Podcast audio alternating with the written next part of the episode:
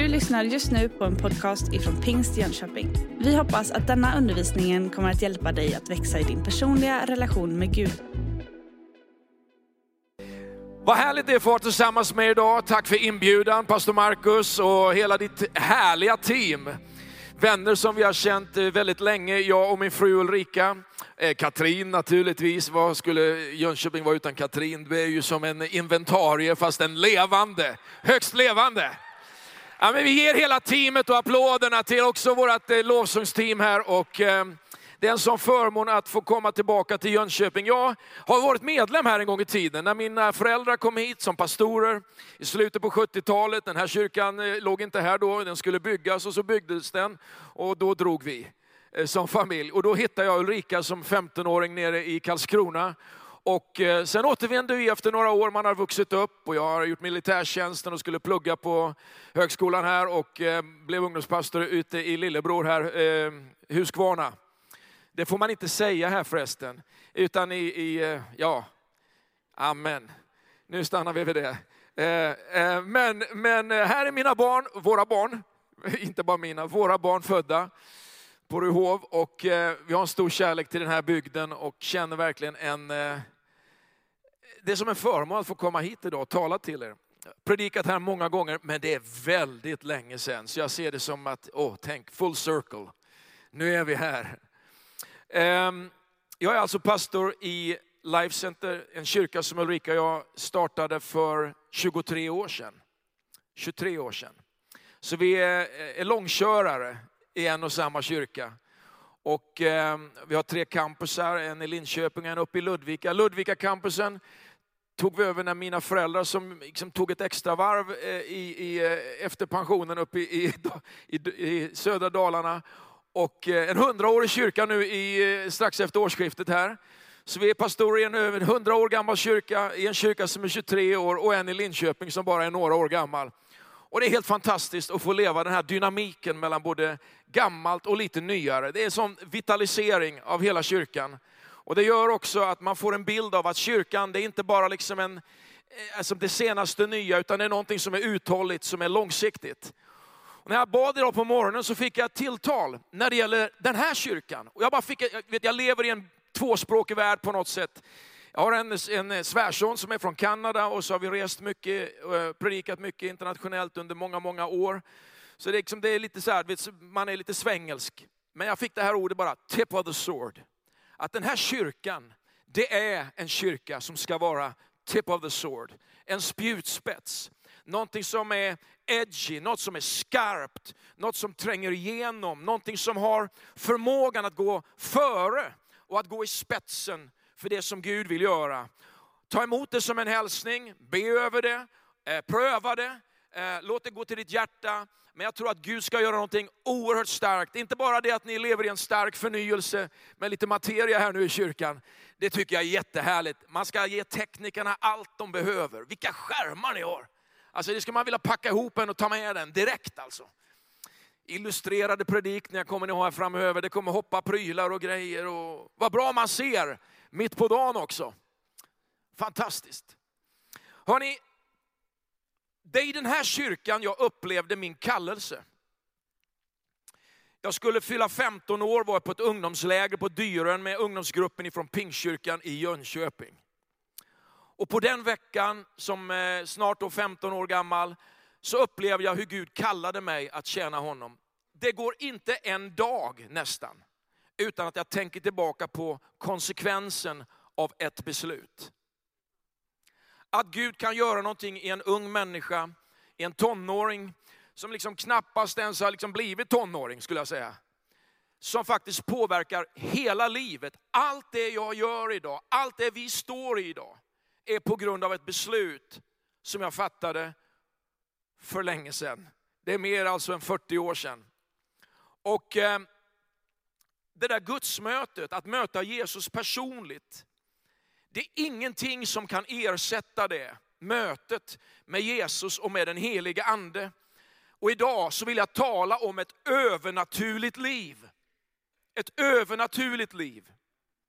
Ni vet storyn eh, om Mose, när han har drivit fåren långt bortom öknen och kommit till berget Horeb, så, så ser han en brinnande buske, en buske som brinner men den brinner inte upp och Gud talar till honom. Han säger, jag har hört mitt folks rop. I've heard the cry of my people. And now I have stepped down. Och nu har jag klivit ner, säger han. Jag har hört ropet och jag har klivit ner. Min bön är att den här predikan och den här gudstjänsten idag ska få bli en gudstjänst där Gud kliver ner. Därför att om Gud inte kliver ner i ditt liv, om Gud inte kliver ner i våra liv, så är det ingenting. Då vacklar vi, då, då, då är vi vilsna, då leder vi liksom på något sätt livet där i öknen och bortom öknen. Men får vi inte tag på det där gudsmötet i våra liv, så är vi förlorade. Vi är lost. Men Gud, han hör vårt rop. Han hör vår längtan. Och han ser igenom all förvirring och all dimma och han kallar oss. Den text vi ska utgå från idag det är från Apostlagärningarna 8 och vers 26 till 29 och det är ju oerhört intressant med tanke på de som vi bland annat fått se döpta idag. Den här texten. Känns som att det är förberett. Det står där i vers eh, 26 och framåt. En Herrens ängel talade till Filippus. Stå upp och gå ut mitt på dagen längs vägen du går, som går ner från Jerusalem mot Gaza. Den ligger öde. Filippus reste sig och gick. Då kom en etiopisk hovman som var eunuck och ansvarig för hela skattkammaren hos den etiopiska drottningen Kandake. Han hade kommit till Jerusalem för att tillbe och var nu på väg hem och satt i sin vagn och läste profeten Jesaja. Då sa anden till Filippus, gå fram till vagnen och håll dig nära den. Herre, lys på ditt ord idag. Helige Ande, tala idag. Måla Jesus för våra inre ögon. Herre, låt det inte bara vara bokstäver utan bli någonting som borrar sig djupt in i våran själ, i våran ande, Herre. Jag tackar dig för beslut idag, jag tackar dig för radikala Jesus beslut idag. Jag tackar dig för att du kan både frälsa, läka, upprätta och kalla människor idag. Jag tackar dig för ett liv i den heliga Andes kraft. Amen. Många har begränsat livet med Gud till en känsla. Livet med den heliga Ande till en skön stund. Det är en varm stund, vi talar i tungor och vi lovsjunger och vi vill bara liksom soak in the spirit, vi vill bara vara där med honom. I get it, jag förstår det. Jag älskar det med. Jag tycker det är helt fantastiskt. Att få leva det där livet när man bara är med honom, kanske i bilen, du vet, du lovsjunger högre volym än någonsin. Vi hade en campuspastorsträff i Västerås igår, det var campuspastorer kom in till Västerås. Och en, hon som är campuspastor i Västerås då, eh, Pernilla, hon, eh, jag, stod där på parkeringen, och så kom hon med bilen, och jag bara hörde det bara dunkade i bilen någon lovsång. Va? En person i bilen, och du vet det där liksom det där trycket. Va? Och så stängdes det av och så kom hon ut och hon var laddad för liksom en, en hel dag med lite så planering för kyrkorna. Det är underbart att få umgås med den helige ande och leva livet med honom. Men livet med den helige ande stannar bara inte vid en känsla. Tänk på Abraham, och Moses, och Josua, och David och lärjungarna och Paulus. Om, om deras gudsrelation bara stannade vid upplevelsen. Livet med den heliga ande, det är framåtriktat. Det är progressivt. Det är action. Ingenting förändrar våra liv mer. Ger det mer kraft än mötet och livet i den heliga ande. Och det finns några nycklar i den här texten som gör att vi kan leva ett annat liv, att lära känna Gud och förstå hur han kommunicerar med oss, även idag. Jesus var ju jättetydlig med sina lärjungar. De skulle inte eh, lämna Jerusalem, de skulle inte liksom bara ge sig ut i uppdraget sådär, oh, nu Jesus, nu har du lämnat, nu kör vi. Utan de skulle vänta på det som Apostlagärningarna 1 talar om, kraft. De skulle få kraft. Och en stormvind bara sveper in över det där rummet i den övre salen och de blir fyllda av helig ande. Och utifrån det momentet, den punkten, så sprids evangeliet över vår värld. De behövde i och för sig lite hjälp också för att inte bara predika för sina, sina egna. Eh, och det kommer så småningom, men det är någonting som skjuter ut dem den där första pingsten. En frigörelse av kraft som påverkar hela vår värld idag. Och någonting som jag tror ska expandera, och jag upplever att Guds ord talar om det, att det ska expandera och tillta i styrka i de sista dagarna. Därför att Jesus kommer tillbaka. Oavsett om du är dispensationalist, eller om du är premillenist, eller om du är postmillenist eller amillenist. Alltså när Jesus kommer tillbaka, tusenårsriket och uppryckandet. Och, och oavsett vad du är teologiskt kan du komma med på en enda sak. Det är att Jesus, han kommer tillbaka. Och Jesus ska vara tillsammans med dem som tror på honom och som har gjort honom till Herre i sina liv. Filippus här är ju ett av de bästa exemplen på hur anden verkar och interagerar med oss. Och vi kan lära oss några saker av den här berättelsen som lär oss hur övernaturligt liv fungerar. Hur det fungerar 2023. När du går till jobbet, plugget, när du finns bland släkten, när du eh, reser, när du förverkligar det som Gud har lagt på ditt liv. Den helige ande, han är, han är en sån game changer. Men det innebär också att i det här livet med den helige ande och livet med honom, så är det faktiskt också så att han har ett specifikt tilltal till oss. Det är inte bara känslan som jag sa, utan den ska ju leda till någonting. Min första punkt här som du säkert får på skärmen nu, det är han vill leda oss också i allt det där som inte ännu är format. Det som ännu inte är format. Den helige ande sa, han är inte passiv, han är i rörelse, han är öppen, han är aktiv, han är verksam. Till och med när vi bara är i hans närvaro så är han verksam. Du kanske känner så här, det händer ingenting när jag ber. Du ber, du umgås med honom, men han är fortfarande verksam. Du kanske inte har sett det där svaret, det där bönesvaret eller det där genombrottet du längtar efter. Men han är verksam, även i det som ännu inte är format. Du vet redan från början av Bibeln så lär vi oss att anden svävar över det som är vatten, det som är djupen. Det står i första Mosebok 1 då, versen 1 och 2 att i begynnelsen skapade Gud himmel och jord och jorden var öde och tom. Och mörker var över djupen och Guds ande svävade. Svävade över vattnet. Det är alltså inte så mycket att titta på. Det är inte så mycket som är förverkligat. Och Guds ande svävar över det som ännu inte är synligt i våra liv. Det som ännu inte är format och skapat och genomfört och intellektualiserat.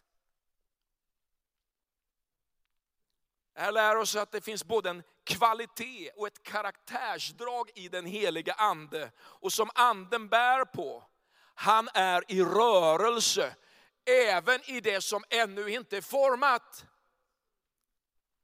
Han dras, det är, ju, det är ju härligt att få säga detta i en sån här bygd, han dras till det som är lite pionjärt. Han älskar det som är lite entreprenörigt. Han älskar en idé.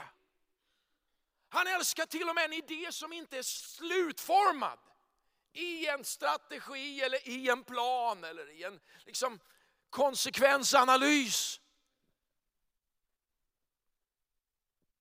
Gud älskar risktagarna. Det är ännu inte format. What is not yet seen. Jag tänker på oss som kyrka, som eh, Guds rikes rörelse i vår värld idag. Jag vet inte vad din erfarenhet är i livet med den heliga ande, men jag ser att den heliga ande, han vill vara en aktiv del i det som formas, i det som skapas. Han är inte bara i lugnet i bönelivet. Lyssna här. Han är till och med i skapandets kaos. Han är till och med i krisen där man inte ser en väg ut. Han är i gruset av en gammal dröm som har kraschat. Den heliga ande svävar över det som ännu inte format. Ja, det blev inte så bra det där. Vad har jag kvar nu? Och så går vi till Gud. Och så möter vi Gud. Och den heliga ande, han rör sig i våra liv. Han rör sig när vi inte ser en väg. Han rör sig liksom när det bara är dimma på allting. Formandet och stormandet behöver en andlig, gudomlig input. Vad ska det bli av mitt liv? Vad ska jag göra med min utbildning? Vem ska jag leva livet tillsammans med? Vad ska jag göra av alla de här drömmarna? Den heliga ande svävar över det som ännu inte är. What is not yet formed. Ibland är det ju som en paradox när man inte ser en väg ut, när man inte kan ta sig ut, när drömmen inte är realiserad. När man söker vila, vi kan vara i vila, vi kan stilla oss. Vi kan söka Gud. Vi älskar umgänget med den heliga ande. Men du vet, det finns någonting där i andens kraft som vill sätta fart på oss. Som vill skjuta ut oss. Om vi går till den här bibeltexten så förstår vi naturligtvis att det här också sker i Filippos liv. Vad var det som skulle ske? Jo, när den heliga ande kommer över i Apostlagärningarna 1 8 så ska ni få kraft att bli mina vittnen i Jerusalem, i hela Judeen och Samarien och ända till jordens yttersta gräns. Att bli ett vittne, alltså någon som berättar, är inte statiskt.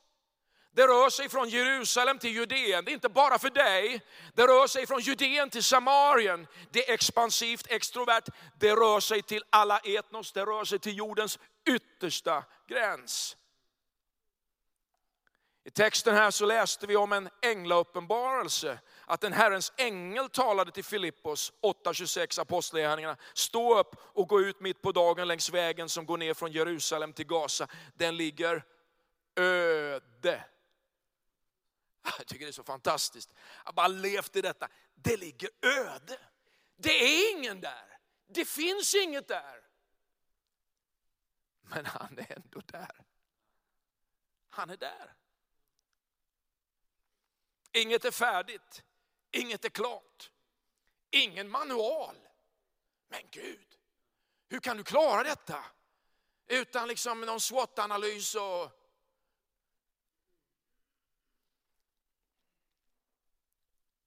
Och det här vad Filippus gör då, och som anden älskar. Då står det här, stå upp och gå ut mitt på dagen längs vägen som går från Jerusalem till Gaza, den ligger öde.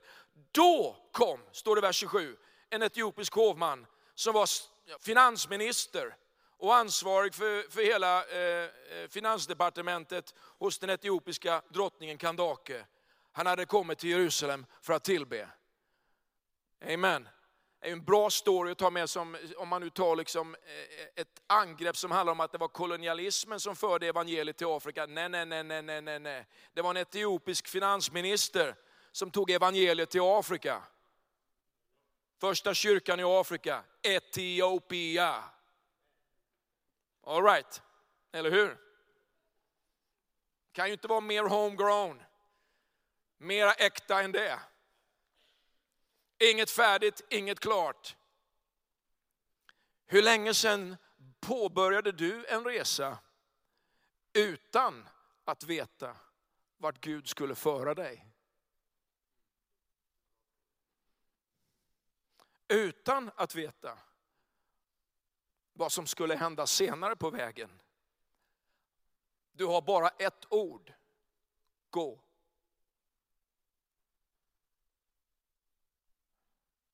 Inget färdigt. Anden är fortfarande i rörelse. Anden svävar fortfarande över det som inte är format.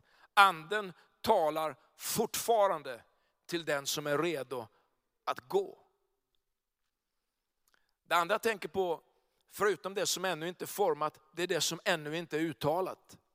Det som ännu inte har talats. Vi rör oss inte bara planlöst som troende, vi rör oss i hans kraft. Steg för steg. Kanske svaga i egen kraft, men starka i Herren. Då står det i texten här, vers 29 och 30 i Apostlagärningarna 8, att då sa anden till Filippos, gå fram till vagnen och håll dig nära den. Och Filippos skyndade fram och när han hörde finansministern läsa profeten Jesaja frågade han, förstår du vad du läser? Lite trevande, lite, får jag säga, respektfullt. Lite trevande, lite respektfullt. Hur många gånger är det egentligen inte en fråga snarare än ett påstående som öppnar dörren till en människas liv? Det är lätt att komma med klubban va? Det här tror vi, det här måste du göra. Men att få ställa en fråga in i en människas liv. Att lära sig att spela på den planhalva där svensken befinner sig. En öppning som leder till att evangeliet når en hel kontinent. Och Det är det här som händer när vi går på hans ord. Det här glada budskapet, evangelium, sträcker sig ut. Och den här frigörelsen i kraft, den baseras ju på två saker i den här texten. Det är att anden talar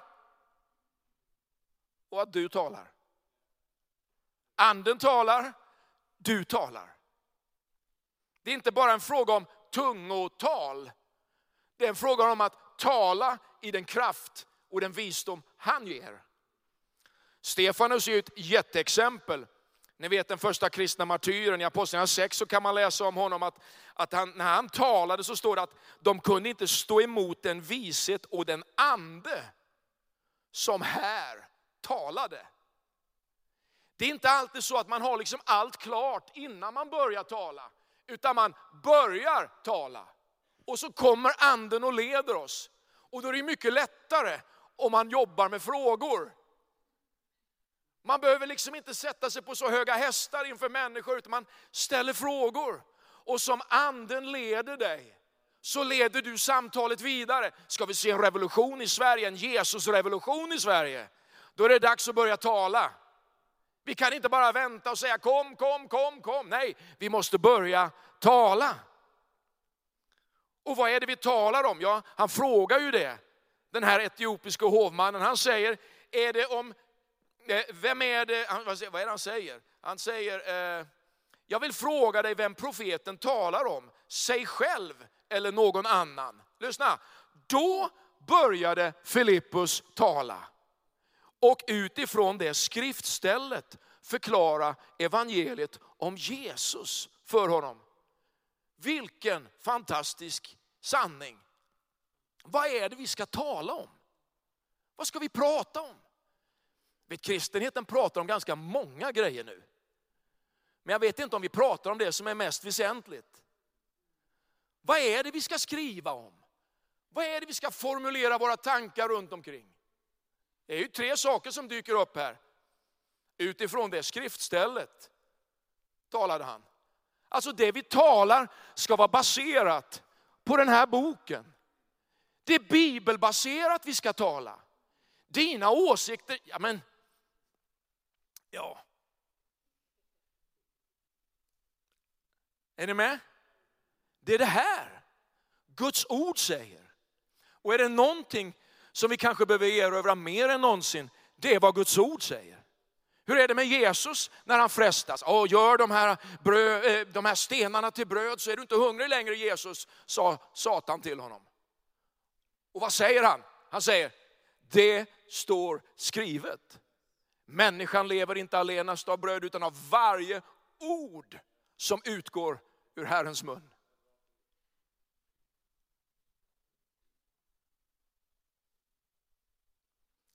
Det är Bibeln, det är Guds ord. Det här är Guds ord från perm till perm. På det sättet skulle jag säga till alla också yngre här, jag är old school när det gäller det här. Från perm till perm. Det innehåller inte bara Guds ord, det här är Guds ord. Det här är logos. Det är som en flod som flyter från Gud, som bara ut ur Guds ord. Och vi går ner till floden och vi doppar ner hinken. Och så tar vi av det mäktiga vattnet som flödar från Gud och dricker av det. Och det vi dricker av det blir inte bara ord. Det blir ett rema in i våra liv. Ett ord för mig, ett ord för dig i den tid du behöver. Vi ska tala Guds ord. Det andra vi ska tala, det är att vi ska tala glada nyheter. Det stod så här, att utifrån skriftstället så förklarade han evangeliet. Han förklarade glada nyheter. Alltså det är ju goda nyheter som vi ska prata om. Vi ska prata om evangeliet. Vad är det? Alltså, det finns inget annat som frälsar människor. Du kan diskutera eskatologi och du kan diskutera teori och du kan eh, diskutera alla möjliga teorier. Men lyssna, det är utifrån evangeliet, de glada nyheterna, som människor blir frälsta. Och vad betyder det? Ja, det är bibelbaserat, det är glada nyheter. Och det är de glada nyheterna om Jesus.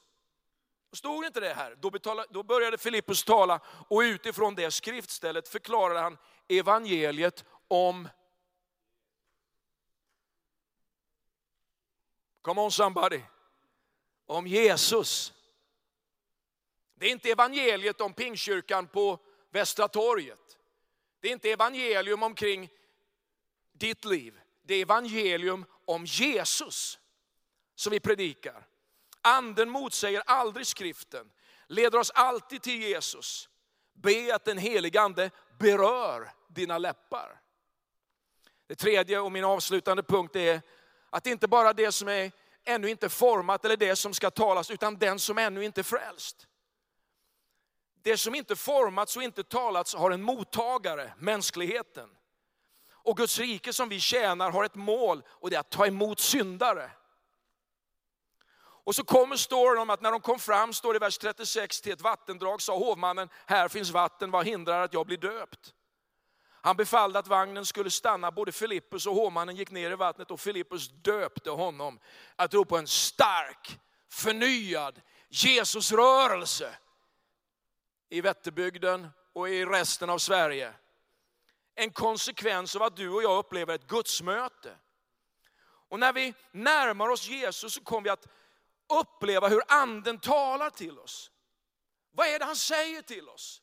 Om vi ska predika evangelium om Jesus. Jo, han säger det här. Det som är rätt med Jesus, det är starkare än det som är fel med dig. Det som är rätt med Jesus, det är starkare än dina brister. Det är starkare än dina nederlag. Filippus förklarar här för hovmannen budskapet som, som, som vi läser från Jesaja, alltså som ett får förs bort till slakt. Han säger vidare, liksom, genom hans förnedring blev hans dom upphävd. Vad är det här? Vad handlar det här om från Jesaja? Jo, det är en text som säger att du behöver inte dö. Det har Jesus redan gjort för dig. Det är det han säger. Han säger också att du behöver inte förnedras. Jesus har blivit förnedrad för dig. Jag tror att en del av oss ibland kanske känner oss lite tveksamma eller lite rädda eller lite ängsliga över att välkomna eller utmana våra vänner att fatta ett beslut för Jesus. Låt mig hjälpa dig med en sak. Du kan inte frälsa någon. Det kan bara Jesus göra. Det du kan göra är att öppna dörren och förklara vad du har upplevt av den Jesus som du känner. Ett livsförvandlande beslut. Att ta ett beslut, att räcka sin hand idag, det är ju fantastiskt bra. Be, kan, kan inte du ta pianot? Vi ska gå in i vår avslutning här. Um, det är fantastiskt att få räcka sin hand. Vi har en inbjudan i alla våra gudstjänster, slutet av alla gudstjänster. Jag tror att många, många kyrkor har det varenda söndag. Men du vet, det som man gör när man låter döpa sig, det är att man säger, Att det inte bara är ett känslomässigt beslut i en stund. Utan vad man säger, det är att jag förändrar mitt liv. Jag gör en 180-gradare och jag bekänner öppet, synligt och tydligt att det nya livet, det är mitt liv. Kanske är det en hälsning till dig idag, precis som vi fick höra tidigare här. Är du inte döpt ska du låta döpa dig. Hur fort då? Så fort det bara går. Jag vet inte vilken eh, metodik ni har här, men jag skulle säga, tar du ett beslut för Jesus så borde du bli döpt idag. Du borde bli döpt nu. Du borde gå bort och ställa dig här i eftermötet ungefär och låta oss döpa dig omedelbums. Oavsett kläder och prylar och allting. Därför att tro och dop hör ihop. Det här är game changing. Den som tror och blir döpt ska bli frälst, Matteus 16. Du blir döpt in i den stora härliga församlingsgemenskapen. Rakt in i en gemenskap av troende över hela världen. Och som Romarbrevet 6 säger, vi är begravda med honom genom dopet till döden för att leva det nya livet. För att leva det nya livet. Har du det livet? Vill du leva det livet? Vill du ta emot det idag? Min enkla inbjudan i den här gudstjänsten idag, den är trefaldig. Jag vill be idag för dig som lever i den där situationen eller i den där säsongen när det finns saker i ditt liv som ännu inte är format. Du vet att Gud är där. Du vet att Gud har, han har initierat någonting. Men du ser inte så klart det där som skulle kunna bli. Den helige Ande svävar över det. Han vill forma det. Han vill leda dig i det. Han älskar till och med kaoset du kanske står i. Därför att han vill ge dig en väg. Jag vill också göra en inbjudan till dig som tvekar om du har en röst. Eller var rösten tog vägen. Var tog kallelsen och rösten vägen i ditt liv? Den helige Ande, han vill hjälpa dig att komma loss. Att lyssna på honom igen. Kanske gå upp till den här vagnen, vad den nu symboliserar i ditt liv och lite försiktigt fråga någon, förstår du vad du läser? Och räkna med att den helige Ande vill ta hand om resten. Du har just lyssnat på en podcast ifrån Pingst Jönköping. För att få reda på mer om vilka vi är och vad som händer i vår kyrka så kan du gå in på pingstjonkoping.se eller följa oss på sociala medier via pingstjkpg.